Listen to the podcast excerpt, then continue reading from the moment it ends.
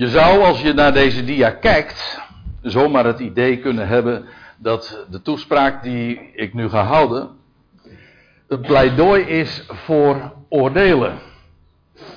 Eh, dus niet tegen oordelen, maar voor oordelen. Maar dat is, dat zou een vooroordeel dus zijn. Want in werkelijkheid gaan we het inderdaad over hebben over, over oordelen. En het voeren en het oefenen van een bepaald vonnis, het uitspreken daarvan. Maar vooral ook ons menselijk onvermogen. Dat we eigenlijk niet werkelijk in staat zijn om een oordeel over iets uit te spreken. En het is weliswaar geen, uh, geen oudejaars, nou sowieso geen oudejaarsconferentie. en uh, ook geen oudejaars toespraak. Hoewel ik er wel bij moet zeggen dat ik denk dat als we het gedeelte wat we gaan lezen, 1 Korinthe 4, dat zich dat uh, wel heel erg goed leent om, om onze overwegingen, als we terugblikken op het afgelopen jaar, om dat allemaal wat in perspectief te plaatsen. Om, ja, wat uh, we zijn gewend, als je dan zo aan het einde van de decembermaand gekomen bent, om het, cijfer, om het jaar dan een cijfer te geven, op, op in ieder geval op, op enige wijze op waarde te schatten. Maar hoe doen we dat dan? En aan de hand waarvan dan? En uh, aan de hand van welke criteria doe je dat? En dat is uh, buitengewoon uh, moeilijk. En we zullen ook zien dat Paulus daar ook zo destijds in zijn brief aan de Corinthiërs het zijne over heeft gezegd. En bij dat licht willen we graag wandelen. Het lijkt mij heel nuttig om, voordat we nou 1 Korinthe 4 opslaan, dat we eerst eventjes ons goed realiseren wat eigenlijk er aan de hand was. Dat wil zeggen, wat in achtergrondinformatie te hebben en te geven daarmee ook uh, van, van deze brief. Waarom schreef deze Paulus deze brief en wat was de directe aanleiding en ook de hele historische setting. Zo'n paar punten die je even mee moet nemen voordat je 1 Korinthe 4 binnenstapt. Want ja, je moet je sowieso al realiseren dat voordat daar uh, het vierde hoofdstuk wordt opgetekend, dat daar natuurlijk nog drie hoofdstukken aan vooraf gegaan zijn. Paulus was rond 51 uh, van onze jaartelling, het jaar 51, in Korinthe aangekomen. We vinden dat uh, uitgebreid beschreven, of althans tamelijk uitgebreid in dat hoofdstuk in, uh, door Lucas in Handelingen 18. En door zijn prediking is daar een ecclesia, een gemeente geplant. Ik zeg het expres zo, omdat dat namelijk ook Paulus' eigen woordkeuze is, als hij later in de Korinthebrief daarop terugblikt. Want ja, hoe is het gegaan? Hij Paulus was daar niet bezig een, een, organisatie of zo op te bouwen. Dat het hele idee van dat hij een, een kerk heeft gesticht. Dat is wat misleidend taalgebruik. Wat hij gedaan heeft, is het woord doorgeven.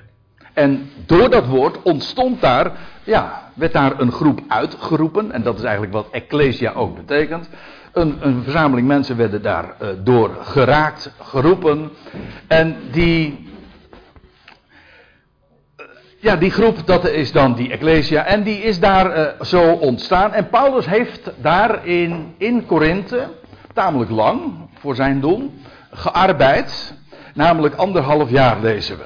Eén, één jaar en zes maanden. En in die tijd is, uh, ja, dat die nogal turbulent was. Want de tegenstand, ook dat fenomeen kende Paulus maar al te goed getuigen het boek Handelingen alleen al. Hij had daar heel veel tegenstand uh, ontmoet. En dan is het dat hij vervolgens dus vertrekt. En een aantal jaren later, waarschijnlijk zo'n jaar, jaar, of drie later, dus in, dan zijn we inmiddels in het jaar 54, schrijft hij vanuit Efeze de Korinthebrief.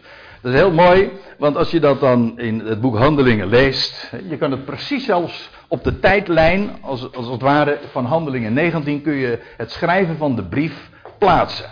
Namelijk in vers 21 van Handelingen 19, dan lees je dat Paulus in Efeze is en bepaalde historische omstandigheden lees je dan. En daaraan refereert hij dan vervolgens ook in die eerste Korinthebrief. Dus het kan niet missen. Toen heeft hij die brief geschreven aan de Corinthiërs. In de tussentijd was eh, daar ook een ander nog gekomen, namelijk een Apollos, een, een Jood uit Alexandrië. En die was ja, via Efeze uh, in aanraking gekomen met een echtpaar, een bevriend echtpaar, ook medewerkers van Paulus, Priscilla en Aquila. En die was uh, nader op de hoogte ook gesteld van hoe het precies de vork aan de steel zat. En het was een buitengewoon, niet alleen uh, groot redenaar, maar het was ook een zeer scherpzinnig, belezen man. Doorkneed staat er in de schriften. En die is na Paulus' vertrek in Korinthe aangekomen. En die heeft de jonge Ecclesia uh, begoten. En ook dat is weer taalgebruik die ik direct ontleen aan Paulus zelf. Namelijk dat eerst Paulus heeft de Ecclesia geplant. Hè, dat is dus echt agrarische metafoor.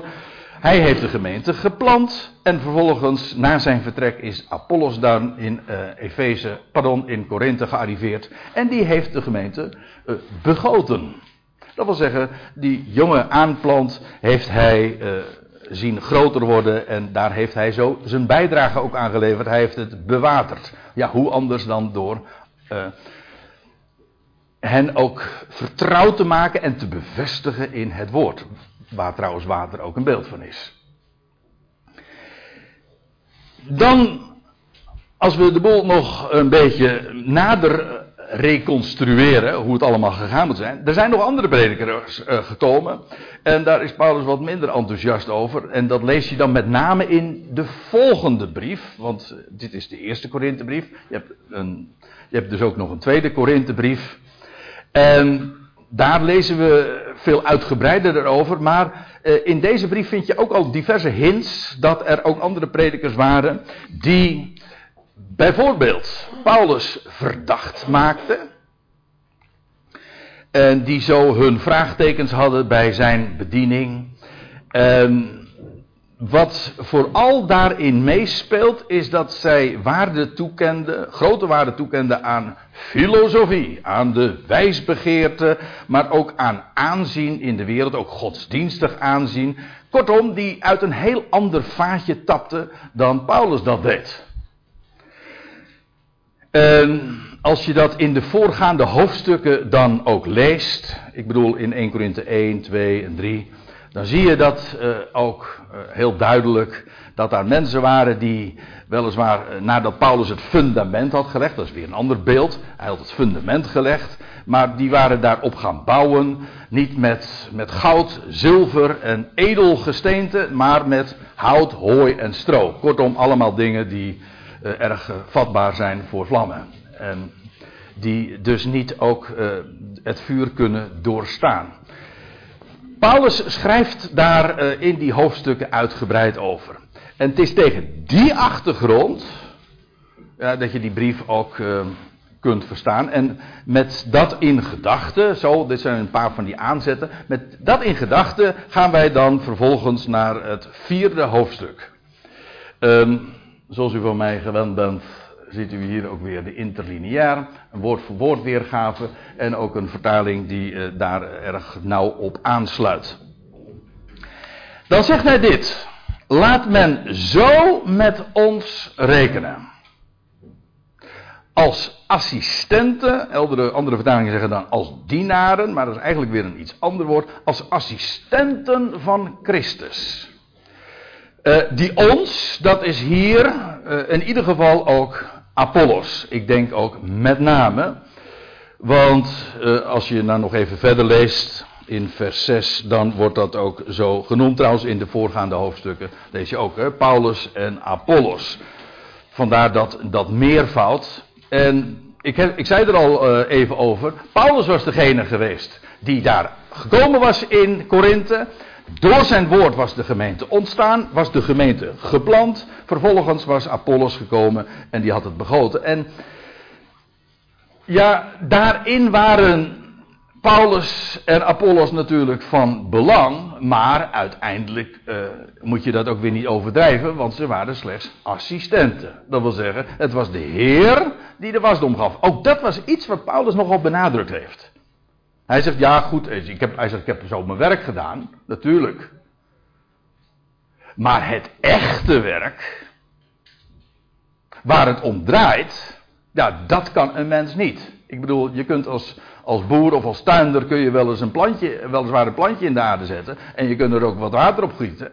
En je kunt er misschien nog wat meer dingen aan doen. Maar het is één die de groei geeft. De wasdom. Die zorgt dat het werkelijk ook kan leven. En dat het kan groeien. En dat het vervolgens ook gaat vrucht dragen.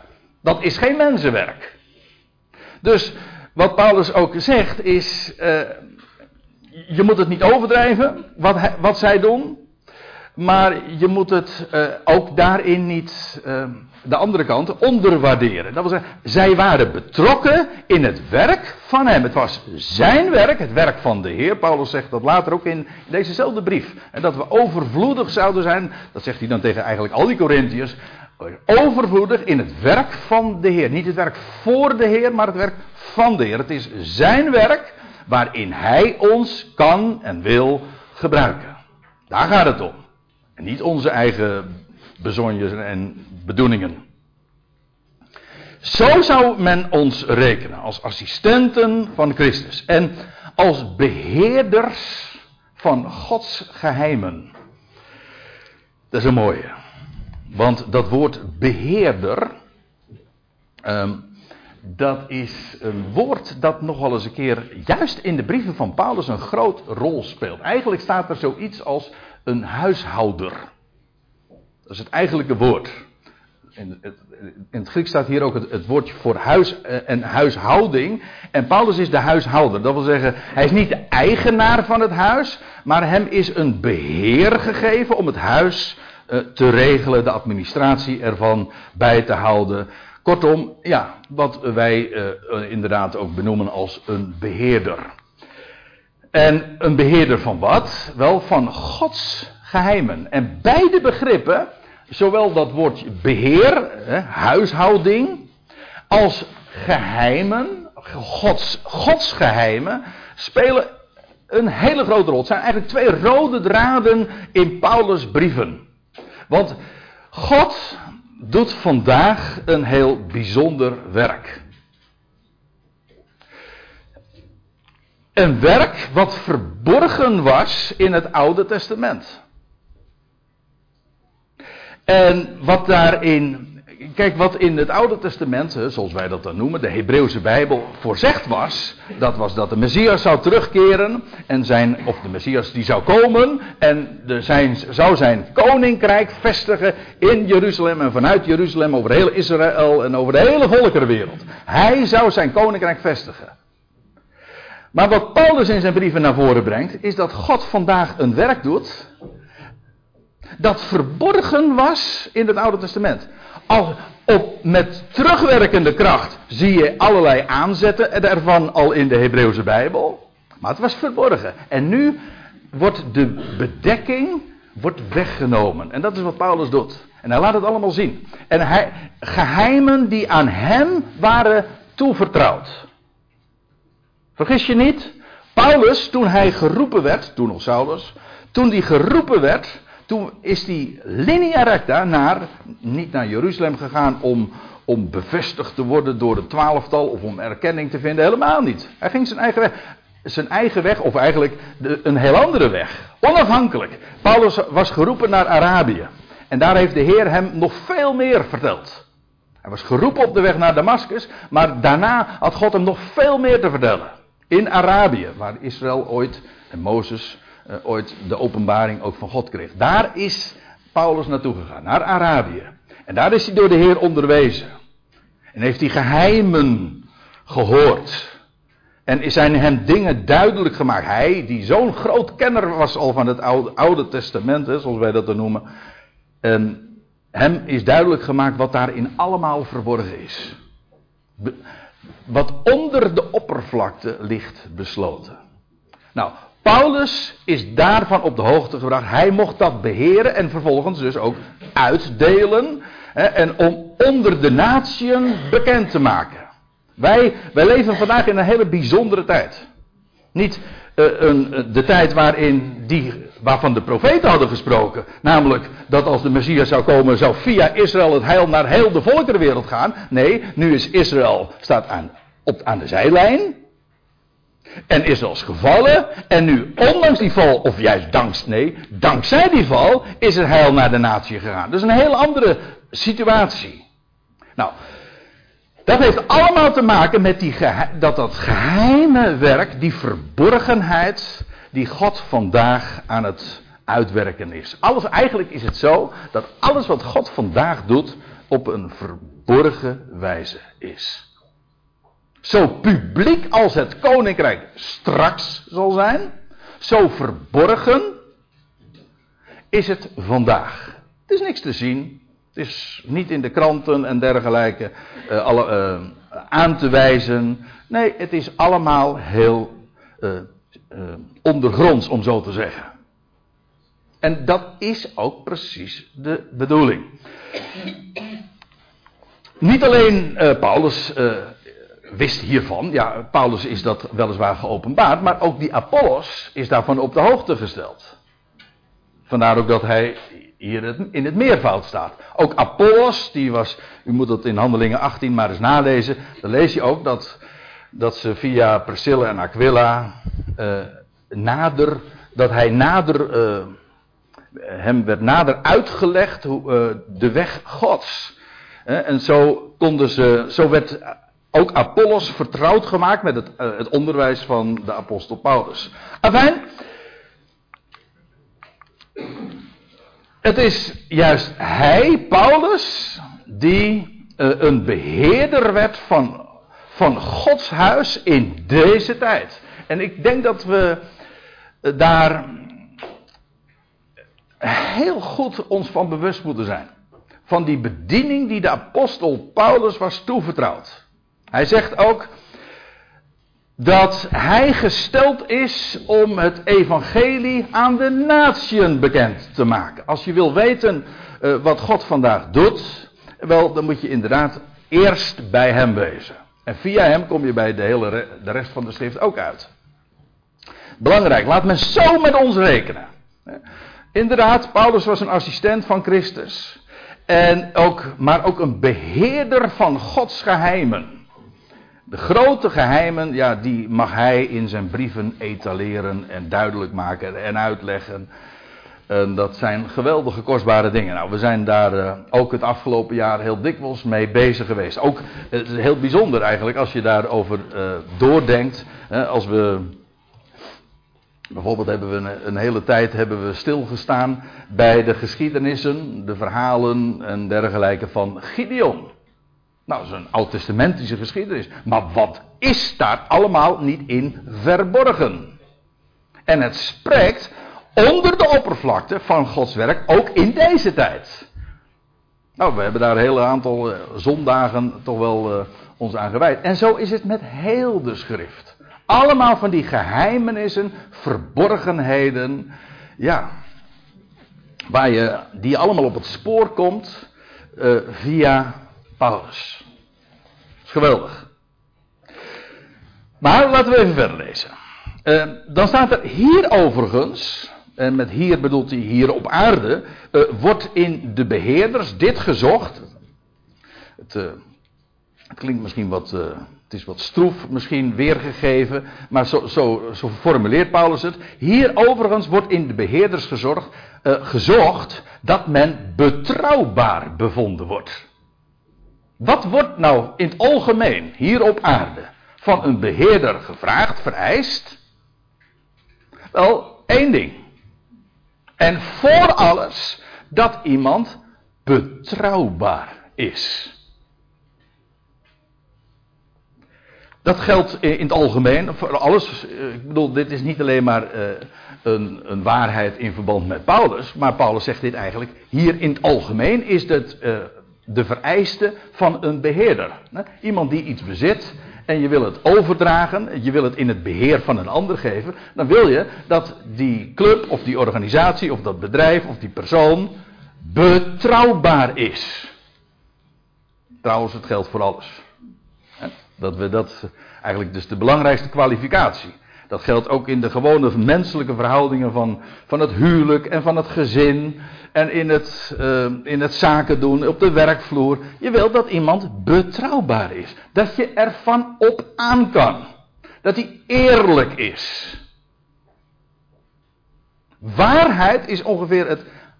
Ik zeg het, wat. Uh, dat woordje ongeveer zou je gewoon weg kunnen strepen. Waarheid is het allerbelangrijkste daarin. Als u een, uh, als u een uh, bepaald product uh, wil hebben en je gaat naar, een, naar een winkel toe, wat wil je dan? Dan wil je eerst op de hoogte gesteld worden. Je, weet van iets helemaal niks af. Zo gaat het mij meestal dan. Je wil iets huishoudelijks hebben. En god, dat, ben, ik, dat ben ik helemaal niet. En vertel eens een keertje. Meestal laat ik dat dan ook over aan, aan de chefin, zeg maar. Maar uh, ik bedoel, als, als je dan, uh, je wil iets hebben, je wil iets kopen. Wat, wil ik, wat is dan voor mij de allerbelangrijkste vereiste? Dat degene die mij voorligt betrouwbaar is. Niet eens deskundig natuurlijk, ook dat is van belang. Maar in de eerste plaats betrouwbaar is. Dat hij vertelt hoe het is. En dat is iets waar Paulus in zijn brieven heel dikwijls ook op hamert. Trouwens, niet alleen Paulus, maar ik, goed, we hebben het hier over Paulus. Maar hij formuleert dat op een prachtige wijze in hoofdstuk 4 van de volgende brief. We zijn nu in 1 Korinthe 4, we gaan, stappen nu even, de, uh, we skippen de hele brief en we gaan naar 2 Korinthe 4. Ook vers 2, uh, opmerkelijk genoeg. En dan zegt hij dit. Hij zegt, wij versmaden de verborgenheden van de schande. Oké, dat klinkt wat uh, niet echt uh, modern Nederlands. Maar we versmaden de verborgenheden van de schande. Dat wil zeggen dat wat in het geniep gebeurt en het daglicht niet kan velen. En wat, ja, dat is altijd wat met schandalige dingen gebeurt. Dat moet allemaal uh, toegedekt worden en verborgen gehouden worden. Paulus had daar niets mee op. Hij zegt, we versmaden dat. En dan zegt hij erbij, niet wandelend in sluwheid. Ook dat is waar Paulus een broertje dood aan had. Uh, namelijk, uh, ja, sluwheid, dat is de, die geslepenheid, doortraptheid. Om mensen te vangen via slinkse wijze. Hij, hij, spreekt er trouwens ook al in de eerste Korinthebrief over. Uh, overredende taal, bepaalde, ge, bepaalde overtuigingstechnieken. Die uh, zijn er plenty hoor.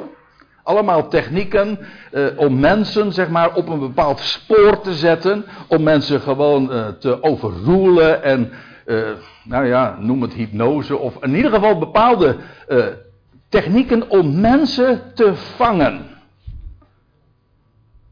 Als je daar heel goed in bent, dan kun je bijvoorbeeld het, uh, heb je een veelbelovende leven, bijvoorbeeld in de politiek. Om, eh, en trouwens, er, gelden, er zijn heel veel beroepen die eigenlijk allemaal erop op gebaseerd zijn dat je, ja, je succes is afhankelijk van het, je vermogen om andere mensen te overtuigen. Nou, Paulus zegt, ja, Paulus was ook bezig met inderdaad mensen dingen duidelijk te maken, maar niet in sluwheid, niet doortrapt. Niet door uh, dingen achter te houden. Nee, uh, hij zegt er nog iets bij. Nog frauderend met het woord van God. Weet je wat frauderen is? Dat is. hij, als je nog twee hoofdstukken terug zou lezen in 2 Korinthe 2, dan, zegt hij, dan, gebruikt hij een woord, dat, dat is marchanderen. Het woord van God als koopwaar zien. Weet je, je moet het verkopen. En uh, dat gaat eigenlijk al hand in hand met frauderen. Dat wil zeggen, eigenlijk is het, het woord wat hier gebruikt wordt, dat is uh, bijvoorbeeld water bij de wijn doen. Dat is frauderen. En het dan als wijn verkopen. Dat is natuurlijk heel handig, want ja, uh, dat wil zeggen voor de verkoper. Want je verkoopt iets als wijn, terwijl er een heleboel water bij zit. En dat betekent dat jouw uh, inkomsten groter zijn. Maar dat is dus sluw. En het is frauduleus. Paulus hield daar niet van. Paulus die zei, hij zegt, ik fraudeer niet het met het woord van God. Dus ik vertel dat zoals het er staat. En dat was in elk geval ook volledig zijn oogmerk. Namelijk betrouwbaar te zijn. Gewoon klare wijn te schenken. En niks erbij.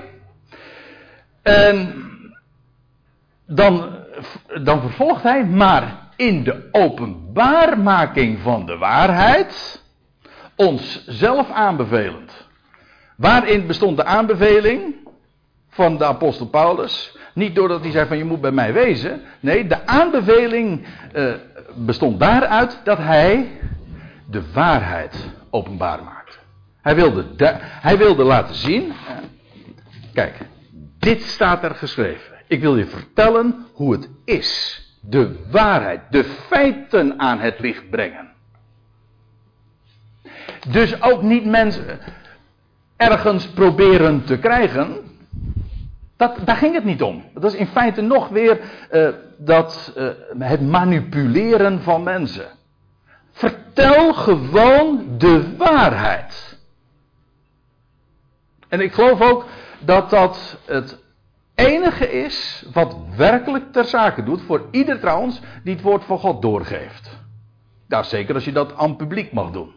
Maar in het algemeen, ik bedoel ook op het moment ja, eh, dat je het woord van God kent en je hebt een mond, ja, dan kun je dus ook over het woord spreken. Nou, waar, waar, gaat het dan om? Om die ander, zeg maar, in te winnen? Nee, dat is jouw zaak niet. Het gaat er niet om dat jij een ander kan, kan winnen. Daar geloof ik sowieso al niet in.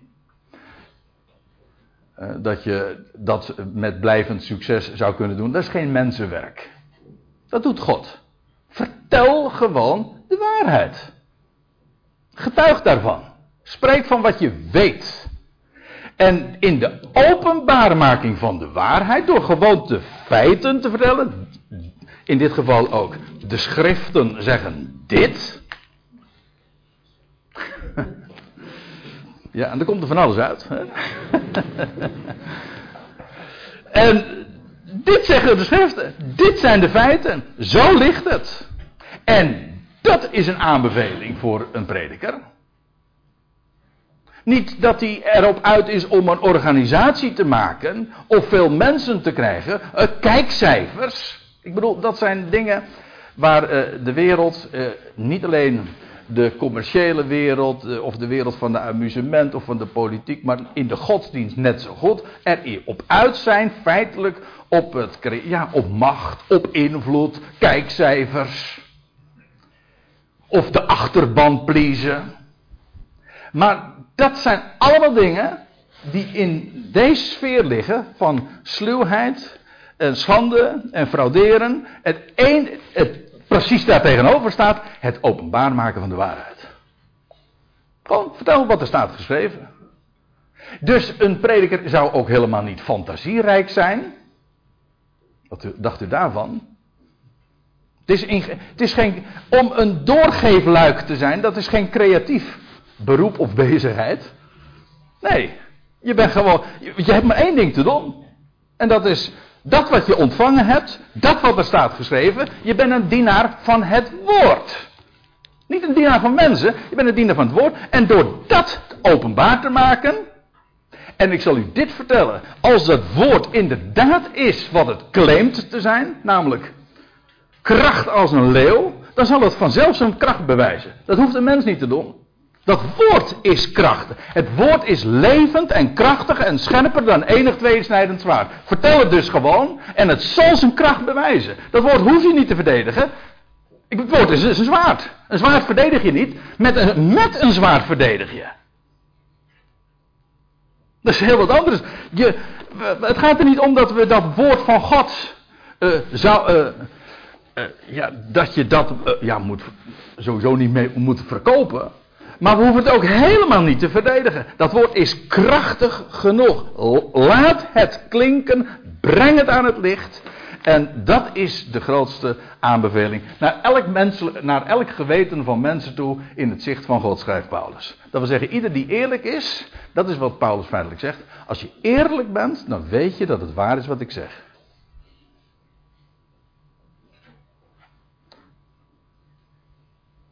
En dat betekent dus dat uh, Paulus het om één ding ging, en nou kom ik weer even terug bij die tekst. Uh, wat wordt van beheerders uh, gevraagd, vereist? Wat zoekt men in de beheer? Dat hij betrouwbaar is. En dan zegt hij in vers 3: Voor mij nu is het het minste dat ik beoordeeld word onder jullie. Uh, in gewoon Nederlands uh, komt dat erop neer dat ze zegt van het maakt me eigenlijk geen bal uit wat jullie van mij zeggen of vinden. Uh, daaruit blijkt natuurlijk al tussen de regels door uh, dat hij ervan op de hoogte gesteld was dat er alles van alles van, van en over hem gevonden wordt of werd. Er waren zo oordelen en meningen en opinies over Paulus. Um, Paulus zegt nou, het is, het is goed. Voor mij is het het minste dat ik beoordeeld word onder jullie. In, um, ja, ik heb er verder geen diaatje van, maar u zou dat eens na moeten kijken in Galaten 1 vers 10. Dan lees je ook dat Paulus zegt van, ja, ik ben, ik ben er ook niet om mensen te pleasen. Hij zegt, als ik nog, zo, zo zegt hij dat in vers 10 van Galaten 1. Hij zegt, als ik nog mensen trachtte te behagen, dan was ik geen slaaf van Christus. Als, je een als ik een slaaf van hem ben en ik, moet, en ik zou, en word geacht zijn woord door te geven, daartoe, hij wist, ik ben daartoe uitgekozen. Van de moederschoot af aan was hij daartoe uitverkoren. En dat moet ik doen. En wat mensen daarvan vinden, ja, dat, is, dat zou mijn zorg zijn. En dan kun je zeggen van nou, was, interesseerde het hem dan helemaal niet? Is het niet pijnlijk om onrecht aangedaan te krijgen? Juist voor de samenkomst hadden we het er nog over. Ja, dat natuurlijk. Maar als je je bewust bent van je missie, namelijk wat je geacht wordt te doen, zijn woord door te geven, dan is er maar één ding ter zake, en dat is: kan ik dat wat ik van hem heb ontvangen, recht in de ogen zien? Dat geef ik door. En op het moment dat je dus mensen probeert te pleasen, of mensen probeert te winnen, ja, dan ben je dus geen slaaf meer van hem. Ja, het is, dat is heel zwart-wit, maar dat is wel waar het om gaat. En ik, trouw, en ik uh, ben ervan overtuigd dat er menig menig een is, hè, ook in de, in de hele christelijke wereld, die feitelijk voortdurend top met de vraag: ja, hoe kan ik mezelf um, neerzetten, uh, zodanig dat ik ook overtuigend ben en dat ik um, andere mensen uh, kan pleasen en hoe kan ik acceptabel wezen? Dat zijn stuk voor stuk vragen die totaal niets ter zake doen in zekere zin maakt het dat ook veel makkelijker. Niet alleen in zekere zin, het maakt het veel makkelijker. Want je zal er toch maar, uh, je zal er toch maar op uit moeten wezen. Om mensen te pleasen. Want ik schrijf deze verzekering. En, uh, en ik heb genoeg ervaringsverhalen daar inmiddels ook over gehoord. Als je daarop uit bent, je doet het never nooit goed. Want als je de ene pleest, dan, dan trap je de ander tegen de schenen. Maar daar gaat het helemaal niet om. Het gaat erom, Paulus zegt het is voor mij het minste dat ik beoordeeld word onder jullie. Of en nou komt een wat moeilijke zin, want tenminste als je hem leest uh, letterlijk. Uh, of onder een menselijke dag. Want zo zegt hij dat letterlijk. Een dag van mensen, een menselijke dag. Um, in de MBG-vertaling staat uh, of onder een menselijk gericht. En dat is eigenlijk ook meteen de verklaring, want een dag is ook in de Bijbel, uh, heeft de betekenis van een gericht. Dat, zo gek is dat niet. Dat blijkt al een beetje in dit woord ook. Uh, ons woord dagvaarding heeft de betekenis ook van een, eh, ja, van een rechtbank, een, een tribunaal. Uh, wij spreken ook iemand voor het gericht dagen. Het woordje, of dagvaarden. Maar dat woord dagen, dat uh, heeft de betekenis dus iemand voor de rechter plaatsen. er is een bepaalde dag ge, gefixeerd en dan moet je verschijnen. Dat heet dagen. En dat is in het Grieks ook het geval. Dus, en hier staat het trouwens over een menselijke dag. Dat staat tegenover de dag van, van de Heer. Dat wil zeggen, kijk, het idee is, Paulus, uh, er waren allerlei particuliere meningen over Paulus. In de Ecclesia, buiten de Ecclesia. En Paulus zegt, nou het is voor mij het minste, het, het boeit mij niet, zoals uh, wat men van mij zegt. Of onder een menselijke dag, daarmee bedoelt hij te zeggen of dat ik voor het gericht moet komen, of voor een tribunaal, of voor een rechtbank. Nou, ik kan u vertellen, lees het maar na. En in de brieven en in het boek Handelingen. Daar is Paulus heel wat keren voor verschenen hoor. Of, die, of dat, was, dat was hem trouwens in Korinthe ook nog overkomen. En in Efeze, waar hij vanuit schrijft, was het hem ook overkomen. En waar was het er niet overkomen? Hij werd zo vaak gedaagd. Maar, oké, dat is van een wat hogere orde zou je zeggen. Want ja, het ene, in het eerste geval had hij het nog over particuliere ideeën en meningen. Maar in dit geval heb je het over een officieel gericht. Maar Paulus zegt, ach, het, uh, de overeenkomst is dat het allemaal mensen zijn. Wat men zegt, Zelfs al is het een rechter. Ach, voor mij is dat het minste, zegt hij. Je zou nog kunnen zeggen van, uh, oké, het doet wat ter zake, maar meer dan een stofje op de weegschaal is het niet. In het licht van de missie die hij had, in het licht van het beheer dat hem was toevertrouwd.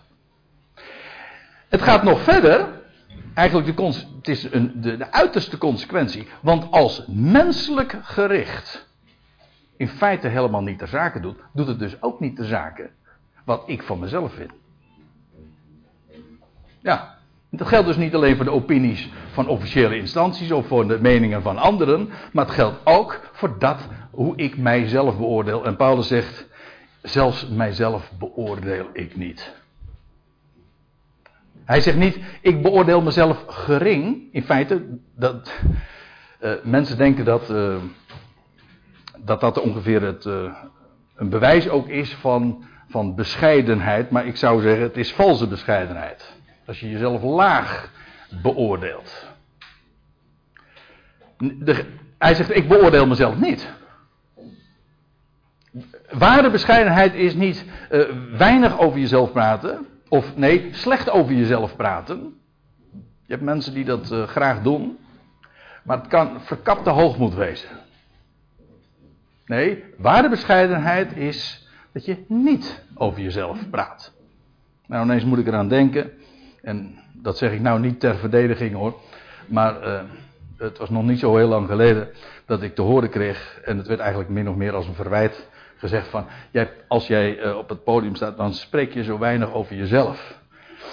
En ik, nou, het heeft misschien heeft het met karakter te maken, ik weet het niet. Uh, maar ik heb ooit ook eens een keer, ja, soms waar kun je je wijsheid allemaal niet vandaan halen. Maar ik heb ooit eens een keertje in een kroeg, kom jij daar? Las ik een, tegeltje, of op een tegeltje stond de tekst. Praat niet over jezelf, dat doen wij wel, als je weg bent. En ik heb dat altijd wel een mooie gevonden. Want ja, wat kan een mens nou van zichzelf zeggen?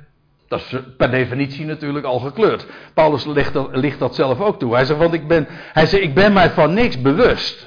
Hij zegt, van niets kwalijks bewust.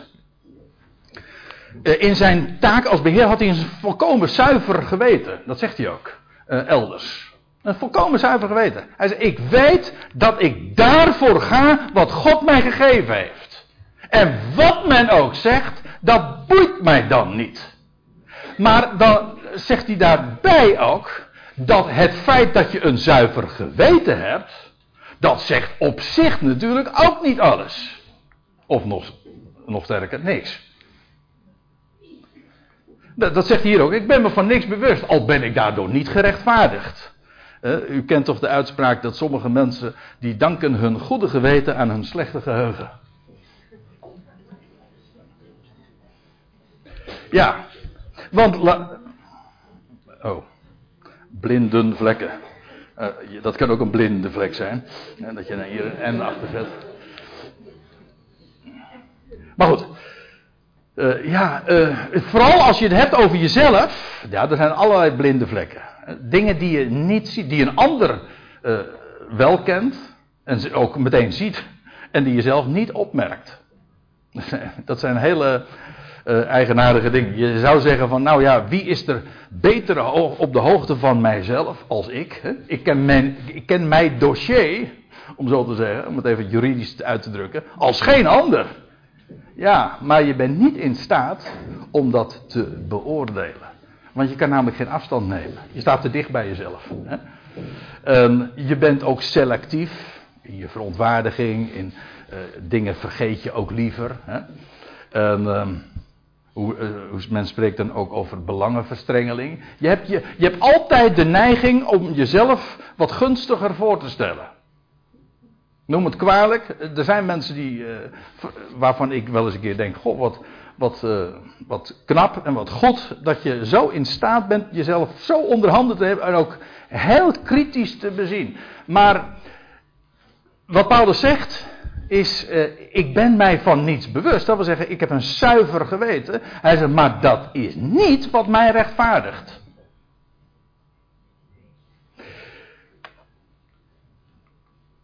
Die mij beoordeelt, en nou komt eigenlijk zijn echte punt. Het zijn geen mens, particuliere meningen die hem beoordelen. Ook niet de officiële instanties die hem dagen. En zelfs zijn eigen oordeel doet niet werkelijk, wezenlijk ten zake. Maar hij zegt, die mij oordeelt, dat is de Heer. Ja, dat lijkt me nogal duidelijk. Er is er maar één in staat die alles overziet, maar ook de dingen eerlijk kan beoordelen. En dan vervolgt hij eh, als, eh, als conclusie. Als er maar één is. Laten we wel. Denk daar eens over na. Als er maar één is die in staat is. om alles op zijn merites.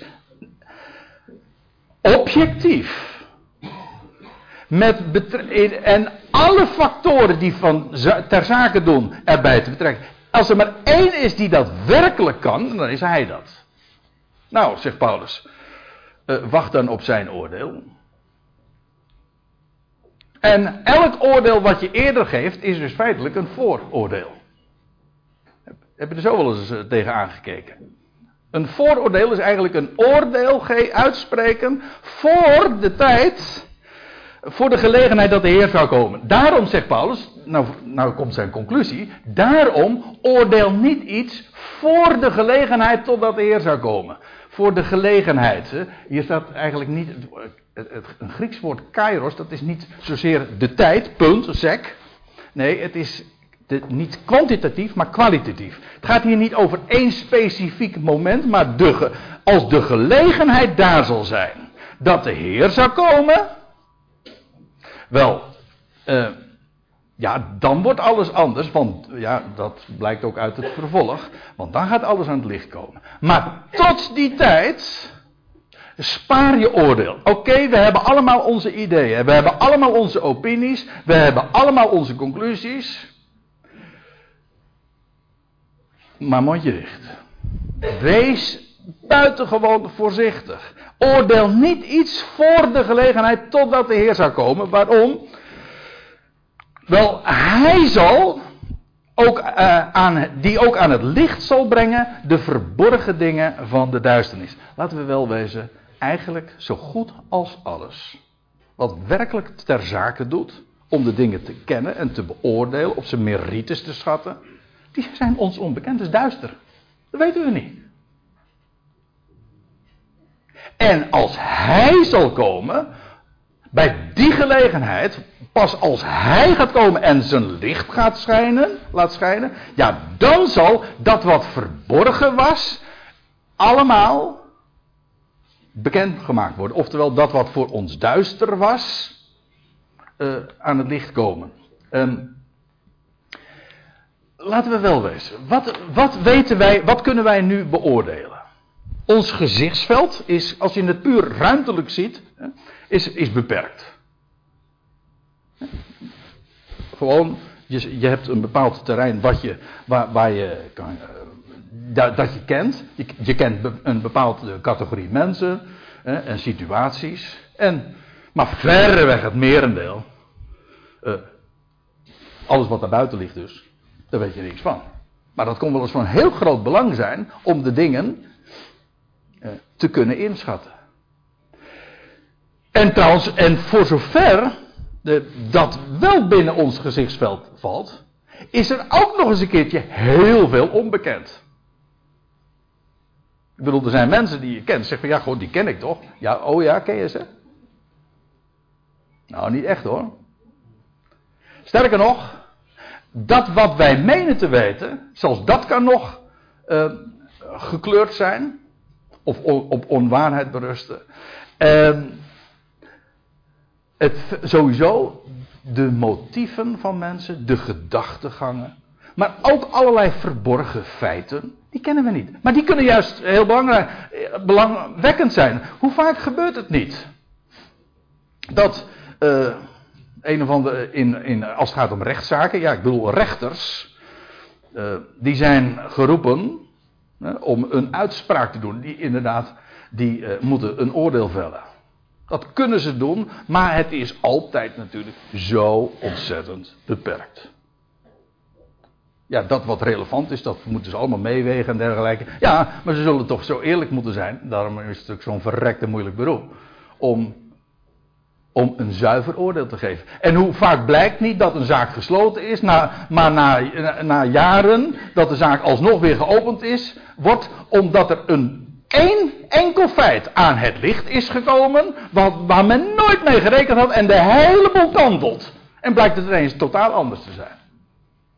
Als er iets is wat demonstreert het menselijk, het, het, het principiële onvermogen van de mens om echt een zuiver oordeel te geven, is het dat wel. Ik zei net, uh, we zijn beperkt in de ruimte ons gezichtsveld is beperkt. En dat wat we wel zien, dat zien we, daarvan zien we een grootste gedeelte ook niet. We zijn trouwens ook nog heel beperkt in de tijd. Dat wil zeggen, het verleden kennen we niet. Zo goed als niks van het verleden. En de toekomst sowieso al niet. Want ja, dat is niet aan mensen. Ja, voor zover, eh, tenzij God het natuurlijk uh, openbaart. Maar in principe, een mens kent de toekomst niet. Met andere woorden. Wat is ons oordeel? Wij, zien, het, heel, wij zien het, het, het grote plaatje niet. Het grote geheel ontgaat ons. En, en, en, en alles is zo'n beetje onbekend. En een paar puntjes liggen daar dan tussen als uitzondering. Die we dan wel enigszins kennen. Zo is het eigenlijk. eigenlijk en dat zou dan uh, de basis moeten zijn voor onze oordelen. En Paulus zegt: Doe dat nou niet, joh. Doe dat nou niet. Vel geen oordeel voor de gelegenheid dat de Heer zou komen, die ook aan het licht zal brengen de verborgen dingen van de duisternis. Geldt ook nog voor iets anders. En ik heb het hier bijgeschreven als opmerking, als, om even nog uh, als reminder. Ook Gods werk is nog niet af. Want mensen geven ook zo gemakkelijk, dat is religieus, hun oordeel over God. En over het feit dat God het niet goed doet. Hoe vaak horen we het niet? Dat God gedaagd wordt. En dat zijn werk nooit goed kan zijn. Maar ook dat, eh, aan dat oordeel kleven exact dezelfde beperkingen. En eigenlijk in, in, in, nog veel grotere mate. Want ja, dan trek je toch echt hele grote schoenen aan hoor. Als je een oordeel aanmatigt over God. Wie ben jij? Een klein nietig schepseltje die niets weet met uitzondering van een paar dingetjes die je dan een klein beetje misschien wel kent. Hoort u de slagen om de arm? Wie ben jij om het grote geheel te beoordelen? En daar komt bij, Gods werk is inderdaad nog niet af. En dan zeggen mensen van, hoe kan God, het grote verwijt natuurlijk, hè, sinds, Sinds mensenheugenis is dat het grote verwijt aan God. Hoe kan God goed zijn als hij het kwaad laat plaatsvinden? Eenmaal zal blijken, tenminste, dat zegt de schrift, dat het precies omgekeerd is. Dat juist omdat God goed is, heeft hij het kwaad een plaats gegeven. Juist opdat we het goede zouden leren kennen. Een totale omkering. Maar we, zijn niet in staat om dat te beoordelen. En ja, uh, hoe is het? Uh, iemand heeft. Uh, je, je gaat een schrijver toch niet. een boek beoordeel je toch niet als je één bladzijde gelezen hebt? Of een schilderij, daarvan zeg je toch niet of het goed is als, een, als de schilder net begonnen is met een paar kwasten of een paar vegen op het doek te zetten. En elk oordeel wat je geeft, weet je wat hij dan zegt? Als die, als die al uh, de moeite neemt om te reageren. Mondje dicht. Mijn werk is nog niet af. Dan kom dan nog eens een keer terug. En één ding, en dat is het geweldige natuurlijk van de, Bijbel, van de Bijbelse boodschap. Dat is precies ook waarom het Evangelie een goed bericht is. God is iets grandioos aan het maken. Ja, waarom? Hij is de schepper. Hij is God. En hij gaat alles goed maken. En het kwaad is in goede handen. En daar gaat hij iets perfects van maken. En we zullen straks allemaal echt. Uh, in, uh, hoe staat het er uh, geschreven in Jezaja 45, ja dat vind ik zo prachtig, dat beschaamd zullen staan, alle die tegen hem gesproken hebben. En we zullen verbaasd zijn en we zullen echt met een open mond kijken, hoe is het mogelijk dat God zoiets geweldigs heeft gemaakt en dat alle knieën gaan buigen en alle tongen gaan dan beleiden en zo. U bent God, u bent Vader. En inderdaad, Jezus, Hij is Heer. Alles zal tot die hartelijke erkenning komen. En dat kwaad heeft een plaats gekregen, juist omdat Hij de goede God is. Kijk, als je dat nu al trouwens mag weten, of mag, daarop mag vertrouwen, als, je, als het je gegeven is om dat licht te zien. Hoort u wat ik zeg? Als het je gegeven is dat nu al te mogen zien, dan ben je echt te feliciteren hoor. En er zit hier heel wat in de zaal die dat inderdaad, die ik zo kan feliciteren. Zeg geweldig dat we zo'n God hebben. Ja, maar het komt allemaal straks in het licht. En wij, eigenlijk een gelovige is iemand die er nu al op vertrouwt. Dat het zo straks zal gaan. Maar het is vertrouwen. We weten dat niet. In die zin dat we, het is geen waarnemingsgegeven. Ja, of ik, of ik moet al zeggen van ik, waar, ik neem het waar in de schriften. Ja. En daarom weten wij ook dingen. Maar dan zal, het, dan zal hij die ook het, uh, aan het licht brengen, de verborgen dingen van de duisternis. En ook openbaar maken de bedoelingen van de harten, de motieven. Van, dat grote terrein wat ons eigenlijk volkomen ontgaat. Want nou zitten we hier bij elkaar. Dan weet u wat er uh, in het hart omgaat van uw buurman of buurvrouw.